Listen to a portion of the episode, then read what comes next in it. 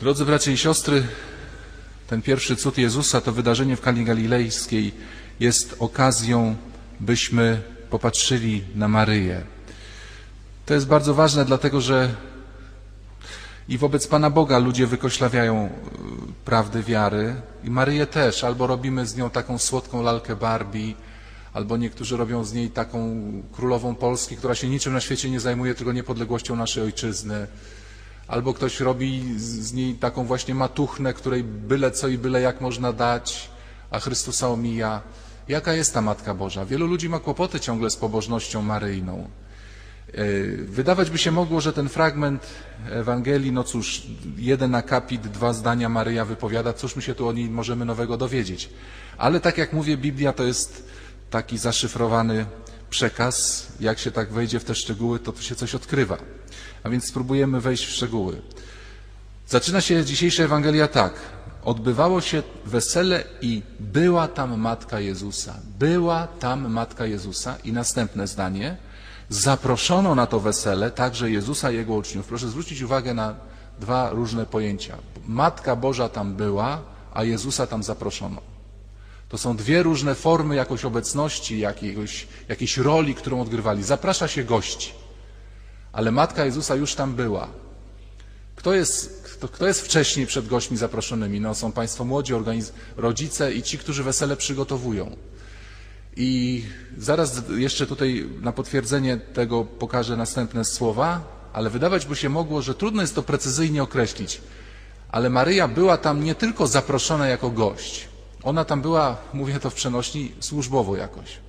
Ją poproszono no, czy, do, o przygotowanie wesela. Yy, I kiedy zabrakło wina, ona mówi, nie mają już wina. To jest kolejny dowód, że ona była zorientowana w kulisach tego wesela. Starosta weselny nie miał pojęcia, że wina zabrakło.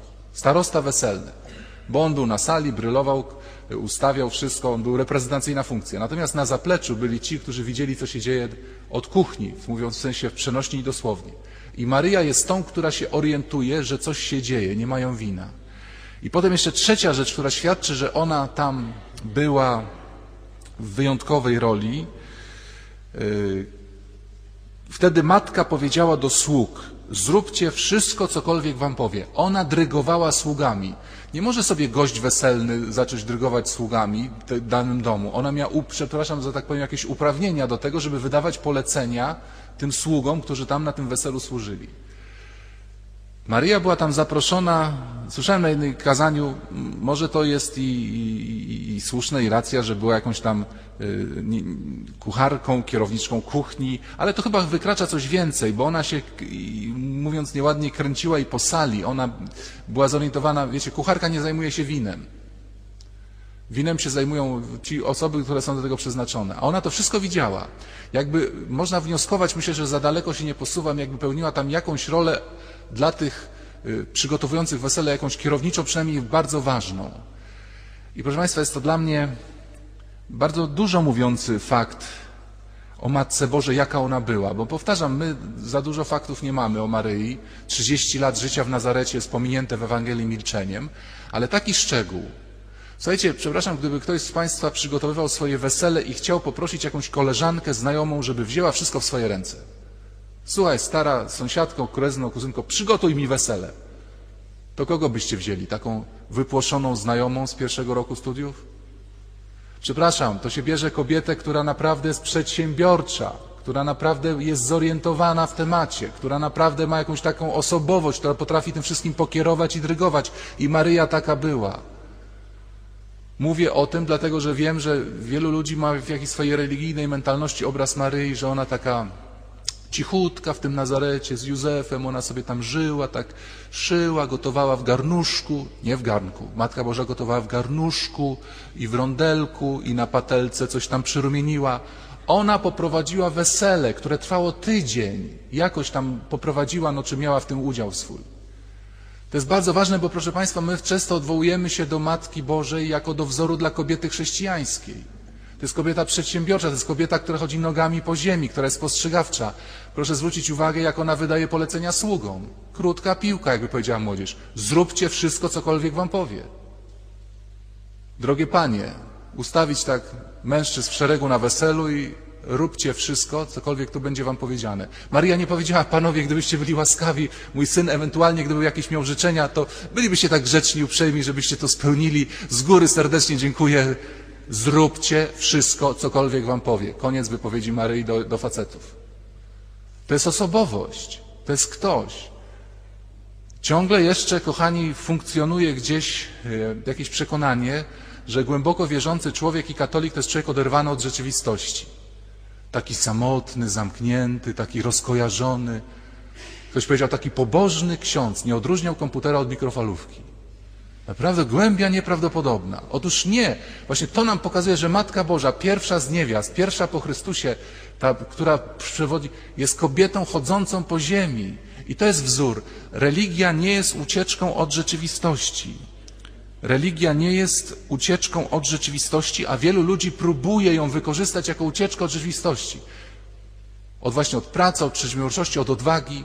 Wielu ludzi, których dotyka plaga lęku, a jest to plaga w naszym społeczeństwie i w świecie. Pod wpływem lęku zwiewa do religii, za filar. Nie pójdę na Sylwestra, nie pójdę na przyjęcie, nie, nie podejmę referatu w szkole, nie, za, nie zagram w sztuce, którą przygotowują w, na uczelni, bo ja naprawdę jestem mistyczka głęboka. Nie. Chrześcijaństwo to jest wejście w świat i Maryja to nam nieprawdopodobnie pokazuje. Chrześcijaństwo to jest aktywność, to jest działalność, to jest zorientowanie się w świecie. To my nie możemy być tylko pochłonięci przez świat.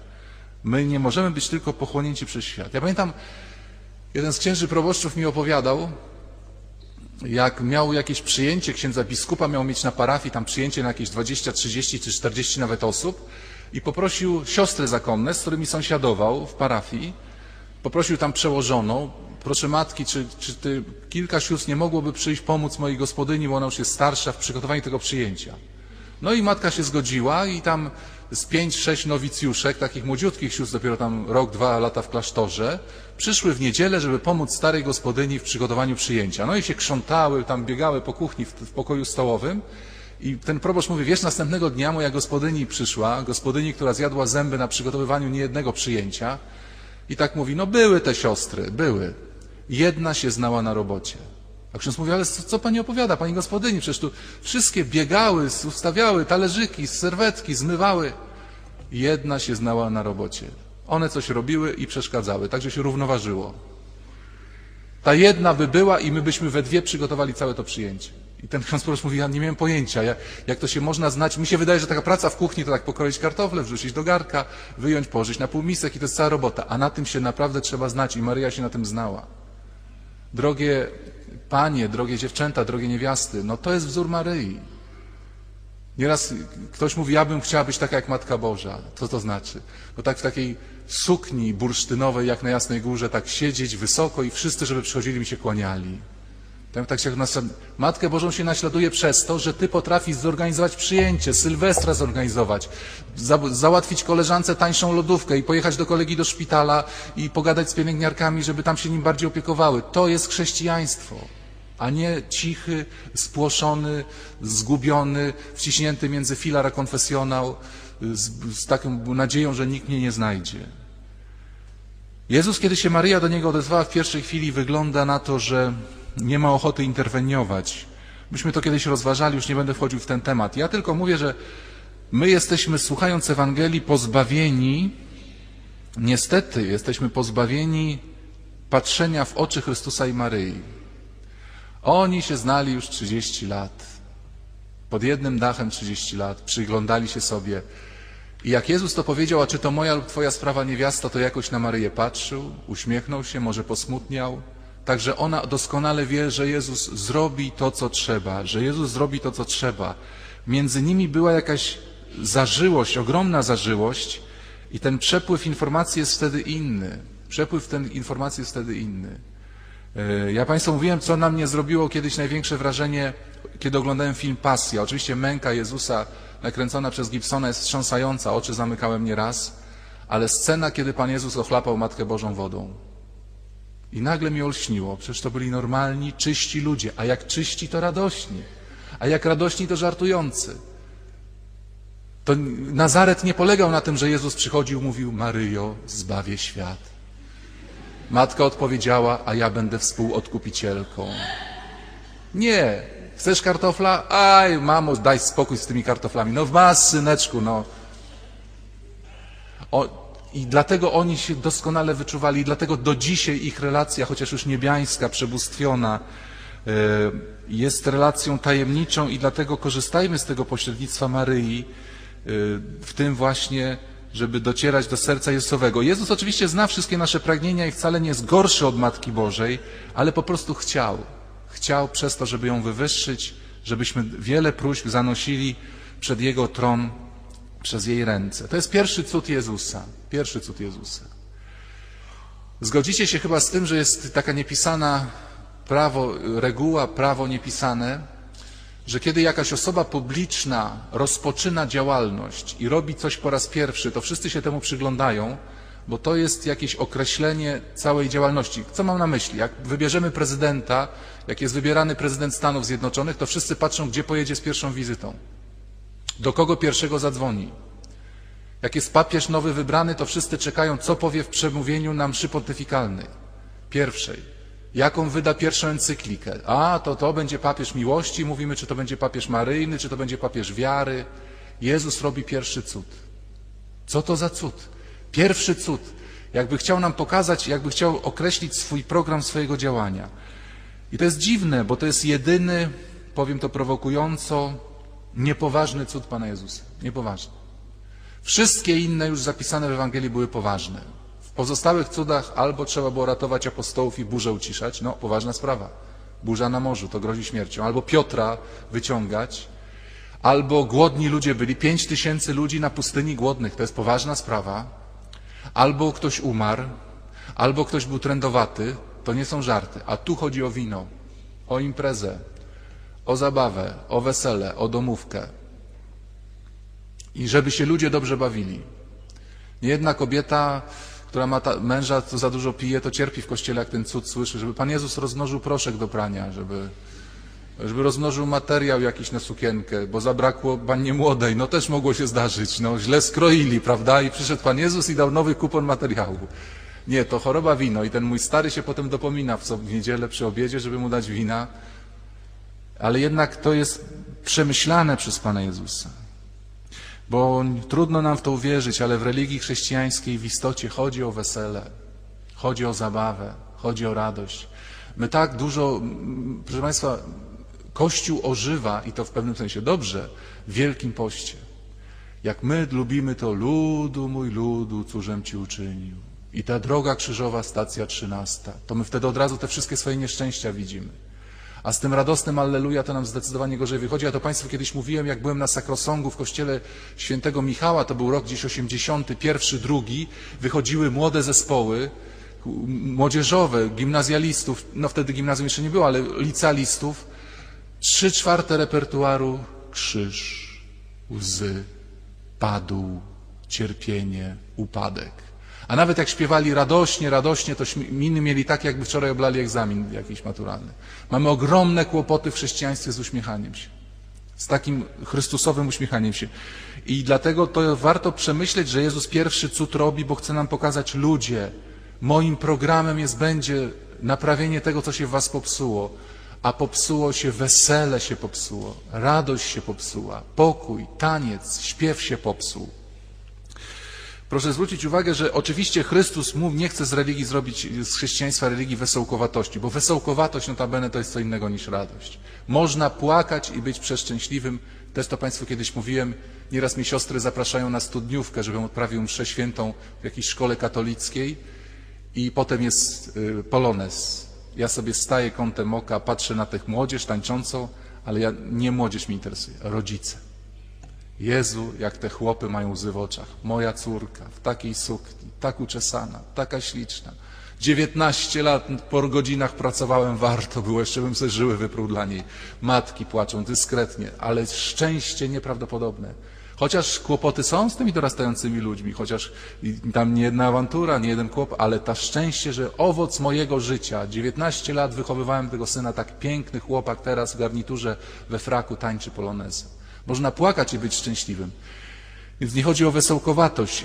I Jezus będzie oczywiście mówił o krzyżu i nie chce deprecjonować sensu ascezy, zmartwienia, wyrzeczenia, umierania w duchu.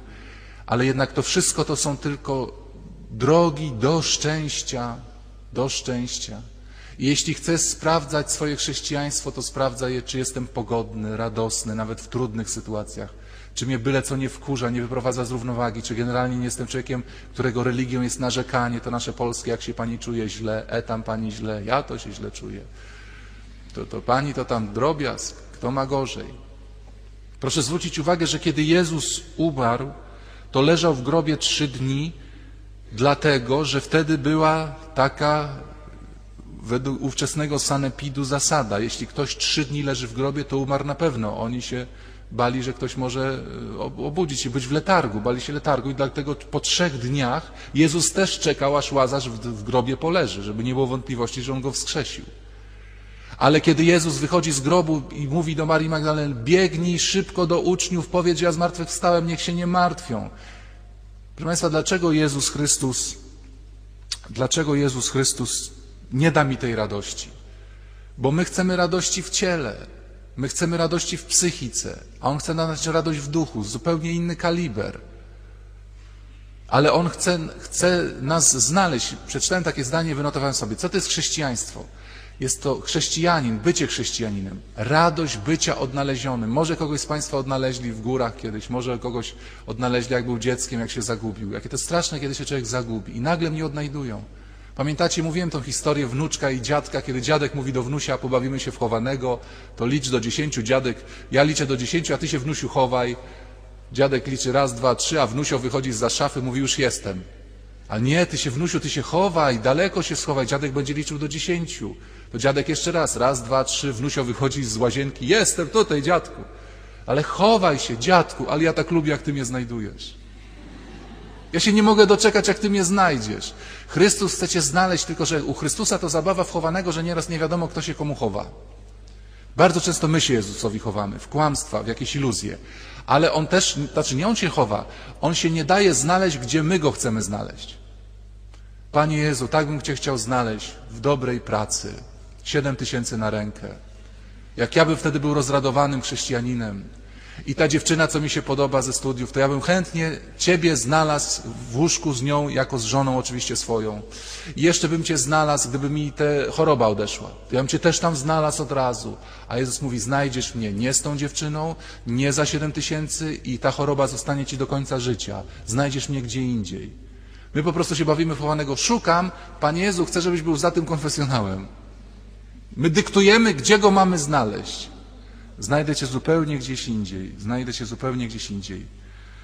Chrześcijaństwo yy, to jest radość bycia odnalezionym. Świętemu Augustynowi przypisuje się słowa ludzie.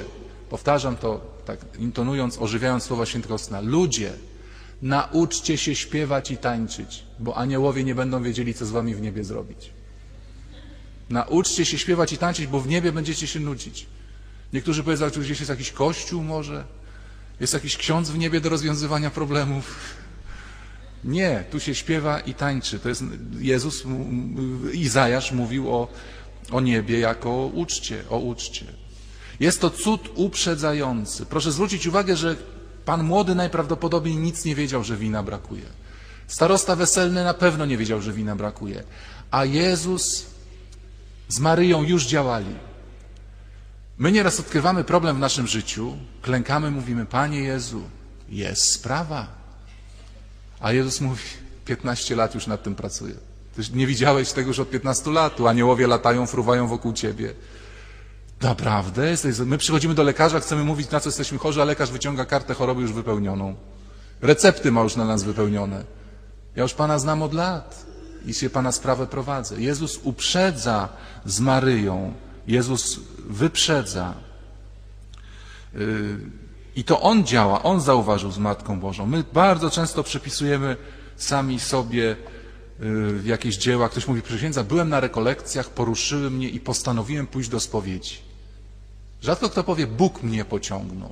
To on już od 15 lat mnie naganiał na spowiedź. Tu była taka angina, tu był program w telewizji, tu był film, tu mnie kolega tam zadał jakieś świadectwo, i od, a my myślimy, to tylko moje rekolekcje, Panie Jezu, łaskawie na nie poszedłem, poruszyły mnie i ja postanowiłem pójść do spowiedzi. No to chyba wirtuty militari jakieś się należy. Bóg działa, kochani. Uwierzcie mi, że to, że ja jestem księdzem, a wy jesteście w kościele, jakby nas Bóg nie pociągnął, to by nikogo z nas tu nie było. Nikogo z nas by to nie było. Tylko my sobie łatwo przypisujemy, yy, przypisujemy te sprawy własnym zasługom. Wiesz, dlaczego może się z bratem sprzeczasz? Bo za 30 lat będziesz miała trudnego syna i będzie z nim dopiero Polka. I teraz już ci Pan Bóg dał trudnego braciszka, który cię nieraz zdenerwuje. Kiedyś jeden pan, który był nieuleczalnie chory, powiedział mi, proszę księdza, ja całe dzieciństwo chorowałem. Przeziębienia, jakieś biegunki. Mama mnie do tego lekarza prowadziła. Oczywiście narzekałem, moi koledzy grają w piłkę, a ja znowu w obandażowane gardło siedzę w domu.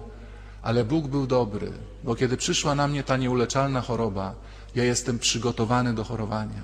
Proszę księdza, jaki Bóg był mądry. 40 lat wcześniej przygotowywał mnie na nieuleczalną chorobę. I teraz mam tą chorobę, ale świadczę o Chrystusie. Umiem cierpieć. A wiecie, jak człowiek się rozchoruje taki, co nigdy nie chorował, to on w ogóle mu się świat wali. Pan Bóg Ciebie już teraz przygotowuje na za 20, za 30 lat, bo wie, że wina Ci kiedyś zabraknie. I Matka Boża już z Jezusem w 63 rozmawiali o Tobie, ja tak prowokująco ten czas rozciągam, rozmawiali o Tobie i o tym problemie, który Ty poznasz w te wakacje. My naprawdę mamy tą swoją perspektywę i tak się jej pilnie trzymamy. Ten cud był z, z, z, uczyniony głównie dla dwóch osób. Wydawało się, że kiedy Jezus zrobi pierwszy cud, no to właśnie może jakieś rozmnożenie chleba dla pięciu tysięcy, uzdrowienie przynajmniej dziesięciu trędowatych. A Jezus się wzruszył, bo wesele to jest prezentacja, no daj Boże, żeby tak było, nie zawsze może tak, takiej czystej miłości młodego mężczyzny i młodej kobiety. Oni podejmują, ja jak jestem nieraz na weselu, na przyjęciu, to ci Państwo młodzi tak chodzą od gościa do gościa, tak wszystkich chcą się zainteresować, to jest takie piękne. Oni po raz pierwszy jako gospodarze takiego, takiego przyjęcia, chociaż wiadomo, że to z kasy rodziców wszystko idzie, ale oni się, oni się starają. I teraz nagle na ich weselu, kiedy oni prezentują siebie publicznie po raz pierwszy jako dorośli ludzie, miałoby zabraknąć wina.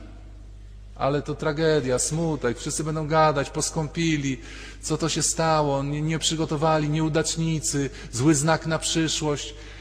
Dla dwóch osób, nawet ich imion nie znamy, nawet nie wiemy kim, i tam Pan Młody się tylko pojawia bezimiennie. Jezus postanawia zrobić cud. A pamiętacie, jaka była jedna z ostatnich interwencji Jezusa, kiedy chodził po ziemi jako zmartwychwstały człowiek? Ratował uczniów idących do Emaus. A ilu ich było? Dwóch. Pierwszy cud, pierwsze sceny Ewangelii, Jezus ratuje dwie osoby, ostatnie sceny Ewangelii, jedne z ostatnich, Jezus ratuje dwie osoby. My nieraz mówimy, ach, Pan Bóg ma na głowie Haiti, Afganistan. Gdzie tam On się będzie mną zajmował? Będzie się zajmował i zajmuje się. Tylko pamiętajcie z innej perspektywy. To, co mówiłem, my mamy tą swoją perspektywę i, i, swoje plany dla Pana Boga. To często Wam powtarzam i one się nie chcą ziścić. Perspektywa Pana Boga jest inna. My się różnimy spojrzeniami. Rodzice i dzieci. Nieraz dzieci tak zaskoczą rodziców swoim spojrzeniem zupełnie z innego punktu widzenia. To, co często mówiliśmy sobie jak mężczyzna i kobieta. Niby Polacy, niby w tej samej kulturze, niby tym samym językiem. Jak się nagle ustalą swoje opatrzenia na jakiś problem, to wychodzi, że widzą coś zupełnie innego. Mamy karnawał, pozwolę sobie na taką anegdotę, jak to kobiety nie powinny chodzić do mężczyzn po poradę, bo to grozi śmiercią lub kalectwem. Facet widzi zupełnie coś innego. Mianowicie kobieta napisała do czasopisma, gdzie mężczyzna dawał rady kobietom, że któregoś dnia wyjechała do sklepu i dwa kilometry od domu zgasł silnik. Nie wiadomo co. No to ona wróciła do domu i patrzy, a mąż w łóżku z młodą dziewczyną, osiemnastoletnią. I ona mówi, tragedia, co ja mam teraz zrobić? Niech mi pan coś poradzi. A on mówi, w tej gazecie odpisuje, proszę sprawdzić pompę paliwową. Być może to przewody elektryczne w samochodzie. I proszę nie grzebać, tylko jechać do serwisu. O, tak facet doradził kobiecie. A co dopiero Bóg? Państwa, włosy nam tak staną, wszystkie tapirowane, długie, tak nam staną, jak zobaczymy spojrzenie Boga na nasze życie. Jak zobaczymy tę przeświętą. Ja tu sobie stoję obok ołtarza, to się w te reflektory łapię. I wszyscy patrzą tutaj, tu, a może wszyscy aniołowie teraz patrzą tam przy drzwiach, bo tam ktoś składa ofiarę swojego życia. I oczywiście tu za chwilę będzie Chrystus, centralny moment Eucharystii, ale wszystkie anielskie reflektory w tej chwili idą w jakiś kąt Kościoła. I Pan Bóg powie, pamiętacie taką mszę świętą? 17 stycznia 2010, tam był jeden człowiek, ależ on składał ofiarę, tam były... My powiemy, Jezu, nic nie widziałem. Nie pamiętam w ogóle takiej mszy. No tak, a my pamiętamy. Inna perspektywa, więc Bóg się tobą zajmuje. Choćbyś był jeden, choćby cię było pół, choćbyś był tylko z żoną tutaj z jakimś kłopotem. Bóg na nas patrzy. Bóg na nas patrzy. Kto wiedział o tym, co się stało w Kanie Galilejskiej? To jest bardzo znamienne. Kto wiedział? Starosta nic nie wiedział. Pan młody nic nie wiedział. Słudzy wiedzieli. O, wiesz dlaczego może ty i ja mówimy, ja nic nie rozumiem. Gdzie ten Pan Bóg działa? Nic gdzie nie działa. Bo nie jesteśmy sługą. My chcemy być Panem. My mówimy, Panie Jezu, proszę mi się to wytłumaczyć. Działasz ty w tym moim życiu, czy nie działasz? Bo ja cię coś nie widzę. Wtedy zrozumiesz Chrystusa, kiedy będziesz sługą i to powtarzam, wykonując bardzo dziwne polecenia, a Państwu przed tygodniem powiedziałem, w Kanie Galilejskiej woda była na cenę złota. A Jezus mówi, 400 litrów widna mi się lać. Słudzy, gdyby byli pyszni, to powiedzieli, Panie Jezu, 3 litry Ci damy, no 5, zobaczymy, co Ty z tym zrobisz, czy nie rozlejesz, czy nie zmarnujesz. A oni mu trach po brzegi stągwie wody. Nie wiedzieli w ogóle, o co chodzi. Nie wiedzieli, o co chodzi ale zrobili. I potem oni jedyni wiedzieli w całym towarzystwie, oni jedyni wiedzieli w całym towarzystwie, co tu się stało i kto tego cudu dokonał. Chcesz wiedzieć? Chcesz widzieć Jezusa działającego? Bądź Jego sługą. Jutro zgubisz 50 zł i masz nie narzekać. Ale dlaczego, Panie Jezu? Bo zgubisz. Znajdzie Kowalski z Ursynowa, któremu akurat brakuje pięć dych do ważnej sprawy. Ty o tym nie wiesz i do końca życia się nie dowiesz, że Kowalski zapłacił za to, za, par, za, za coś, rachunek czy coś. Ty zgubisz pięć dych, masz nie narzekać i nie, że o Jezu, 50 zł zgubiłam, koleżanki 50 zł zgubiłam, mężu 50 zł zgubiłam, ciociu 50 zł zgubiłam. Całą Warszawę muszę powiadomić, bo 50 zł zgubiłam. Panie Jezu, wytłumacz mi się, gdzie te moje 50 zł? Nic nie wiesz, sługa jesteś, lejesz wodę, nie ma, zgubiłem, może ktoś znajdzie, co mu się przyda. Pomodlić się o to. Słudzy, Ewangelia mówi to piękne zdanie. Słudzy wiedzieli, słudzy wiedzieli, a my mądrale nie wiemy. Nie wiemy, o co chodzi, po co chodzi, co się dzieje, jak się dzieje. Słudzy wiedzieli. Piękna jest ta rozmowa, troszeczkę mam żal do świętego Jana, że nie dopisał zdania, co powiedział ten pan młody, jak go woła ten starosta weselny, Woła go starosta weselny i mówi, no ty zachowałeś dobre wina aż do tej pory. Jak był sprytny, to powiedział, się zachowało. Ma się tą głowę, nie? Trzeba wykorzystać moment. Pan Bóg działa, a my sobie przypisujemy chwałę. Ja się też na to łapię. Przychodzą do mnie przy księdza, jak mi ksiądz pomógł swoim kazaniem. się ma kazania, super, nie? Boże, jeden pstryk anioła i proszę Państwa, jak u każdego może być, szpital psychiatryczny, tragedia, śmierć, wszystko z podpowiedzi Bożej, a my od razu dla mnie chwała, dla mnie chwała. No, się robi, się ma. Nic nie masz, nic nie robisz. Beze mnie nic uczynić nie możecie. Dlatego bijmy się w piersi, Panie Boże, dziękuję Ci za to, że obiad dzisiaj zrobiłam mężowi smakował. Dziękuję Ci za to, że jakoś wczoraj syna przekonałam, żeby nie szedł na jakąś tam złą imprezę. Panie, Twoja łaska, dzięki Ci za to, że Ty żeś to zrobił. Nie dajmy się nabrać, że to starosta z Panem Młodym. Nie dajmy się na to nabrać. To jest wszystko od Niego. My mówimy tak, tak, tak, ale oko puszczamy się też nie głupio, trochę i ma od siebie. Nic, nic nie możemy zrobić bez Niego i kiedyś się o tym przekonamy. Dlatego, kochani, plan Boży jest wobec nas tylko on jest nie, nieprzewidywalny. Ja sobie takie wymyśliłem porównanie. Gdyby tak ktoś kochał muzykę, bardzo kochał muzykę i zapytał w roku 60, Panie Boże, czy jak będę dorosły, będę mógł mieć adapter, płyty. Pan powiedział, nie, nie będziesz miał. O, to ty jesteś niedobry Bóg. Będziesz miał taśmy magnetofonowe. A gdyby ten w 70 zapytał, Panie Boże, będę miał dużo tych taśm magnetofonowych za 10 lat, nie będziesz miał żadnej to ty niedobry jesteś. Po 10 latach ma kasety. A gdyby ten w 80 roku zapytał, Panie Boże, a będę miał za 10 lat super kasety, nie będziesz miał. O, to ty niedobry jesteś. Byś miał CD. A ten o CD, gdyby zapytał za 10 lat, po co ci CD? MP3 będziesz miał. Dlaczego Pan Bóg nie powiedział temu w 60 roku, że będzie miał MP3? Bo by powiedział, apages satanas, jakieś MP3, jakieś hasła szatańskie mi tutaj daje. I teraz ktoś z Państwa się zapyta, czy ja będę miał superkomputer za 10 lat. Może któraś z Pań pyta, czy będę miał domek z ogródkiem i dzieci i miłego męża. Pan Bóg odpowie nie. I proszę Państwa, niestety tu się mój przykład kończy, bo ja nie wiem, co to będzie te za 10 lat. To lepsze. Ale my sobie, prawda, my wyobrażamy sobie po swojemu. No ja pamiętam, jak dziecko marzyłem, że jak będę dorosły i kupię pierwszą pensję, to sobie tyle zabawek kupię w Piotrusiu Panu na Marchelskiego. Jak już byłem dorosły, to już Marchelskiego nie było. My sobie tak marzymy. Pan Bóg da coś inaczej. A może za 10 lat twoje dziecko będzie chore, ale ci powiem, mamo, jak ja cię kocham, jaka ty jesteś dobra. I ty powiesz, dzięki ci Boże za ten krzyż, bo rzadko która matka ma taką miłość w domu. Nie wiem. Tylko nie planujmy. Nikt nie zaplanował cudu w Kanie Galilejskiej. Nikt nie planował, że to lepsze wino się pojawi. Lepsze wino naprawdę lepsze wino się pojawi. W naszym życiu też pojawi się lepsze, lepsze wino. Yy, drodzy bracia i siostry, yy, pokazuje ten cud, by czekać. Jak zwykle, nam się nie chce czekać. My od razu. Poczekaj, Jezus pierw przeprowadzi cię przez brak, potem sprawdzi twoją wiarę, potem sytuację rozwiąże. Pamiętacie Czytałem kiedyś tutaj, jeszcze raz do tego wróciłem, znalazłem to w internecie, żeby jeszcze raz to przeczytać. To wyznanie tego rabina. To jest współczesny człowiek, młody w dość, czy w średnim wieku góra, rabin mieszkający w Warszawie. I on mówił, że przed ślubem swojej narzeczonej nie dotknął. Za rękę jej nie wziął. Więcej. On nigdy z nią nie był sam na sam, tylko zawsze ze swatką albo z rodziną.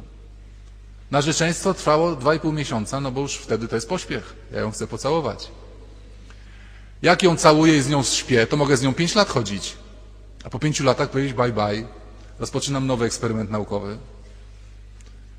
Nie dotknąłem jej. I on mówi, i wtedy, i Państwo się domyślacie, no to jest oczywiste. I jak się tak narzeczonej nie dotknie nawet palcem, to wtedy po ślubie, jak to smakuje. A on mówi tak, jeśli wszystko jest przed ślubem, seks, nagość, e, pieszczoty, to co dochodzi w dniu ślubu? tylko obowiązki. Nie opuścisz jej, teraz masz w domu siedzieć, teraz masz być posłuszny i grzeczny, ty mu masz gotować i prać, bo już żoną jesteś. Proszę Państwa, rzeczywiście w dniu ślubu nie dochodzi żadna przyjemność. Żadna. Dlatego trzeba czekać. To jest sens. Kto się rzuca na niedogotowane mięso? Kto się rzuca na nieugotowaną zupę? Przez niestrawności potem mamy. Trzeba czekać bardzo długo. Jak mi to powiedział ten emeryt, proszę księdza, nie ma to jak mówił o swojej żonie. Nie ma to jak miłość na emeryturze. Chata wolna, dzieci pożenione, z emerytury zawsze starczy parę groszy. Żony mi nikt nie poderwie, bo to taką babinę weźmie. Męża mi nikt nie poderwie, bo jemu trzeba codziennie rano korzonki smarować. To która kobieta by w to szła?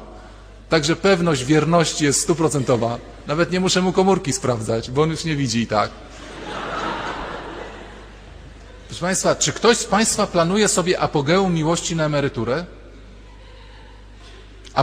Dopiero wszystko przede mną, 30 lat po ślubie to rozbieg jeszcze. Dopiero jeszcze do progu się zbliżamy i się wybijemy jak małyż. Czy ktoś sobie coś takiego planuje? Nie, my właśnie wszystko szybko zjeść, a potem, no jak ciężko. I to chyba wina Pana Boga, bo On coś tak się nie sprawdza. Niech nas ten cud w Kanie przekona, że warto stracić. I też jestem przekonany, że wielu z Was by poświadczyło. Ja, proszę Państwa, tak z rok temu czy dwa lata temu walczyłem ze swoją drukarką komputerową. Miałem taką drukarkę atramentową zwykłą i psuła mi się, psuła. Naprawiałem po swojemu, u mechanika, naprawiałem. W końcu wściekły mówię, poddaję się, kupuję sobie nową. Ktoś mi doradził, nie ksiądz nie kupuje atramentowej, ksiądz sobie kupi laserową. Teraz to bardzo potaniało. Kupiłem laserową i mówię, Jezu, jak ja odżyłem. Jak Bogu dzięki, że mi się tamten gruchot zepsuł. Spotkałem faceta, któremu ukradli parę lat temu malucha na Pradze spod bloku. Proszę księdza, niech ksiądz nikomu nie mówi. Jak dobrze, że mi go ukradli. Dzieci się dołożyły, kupiły mi oplakorsę. Ja czuję, że jeżdżę. Jakby ksiądz tego złodzieja spotkał, kiedyś go spowiadał w konfesjonale, niech go ksiądz uściska ode mnie. Naprawdę. Ile razy, jak dobrze, że się coś popsuło, bo sam bym się nie zdobył, bym łatał dziurko, a tuż się podarło i do śmieci. Jak dobrze, że tego wina zabrakło. Jak dobrze, że tego wina zabrakło. Ile mamy tutaj wiary z tego słowa, ile nadziei, ile radości. Jakżeż oni tam popijali, jak te kielichy wznosili do góry. I chwała spadała, apostołowie wiedzieli, kto uczniowie nie. Goście myśleli, że to Pan młody. Jak dobrze, że zabrakło. Jak dobrze, że ci czegoś brakuje. Że urody brakuje trochę, że pieniędzy brakuje. Wino będzie jeszcze lepsze. Wino będzie jeszcze lepsze. Powstańmy.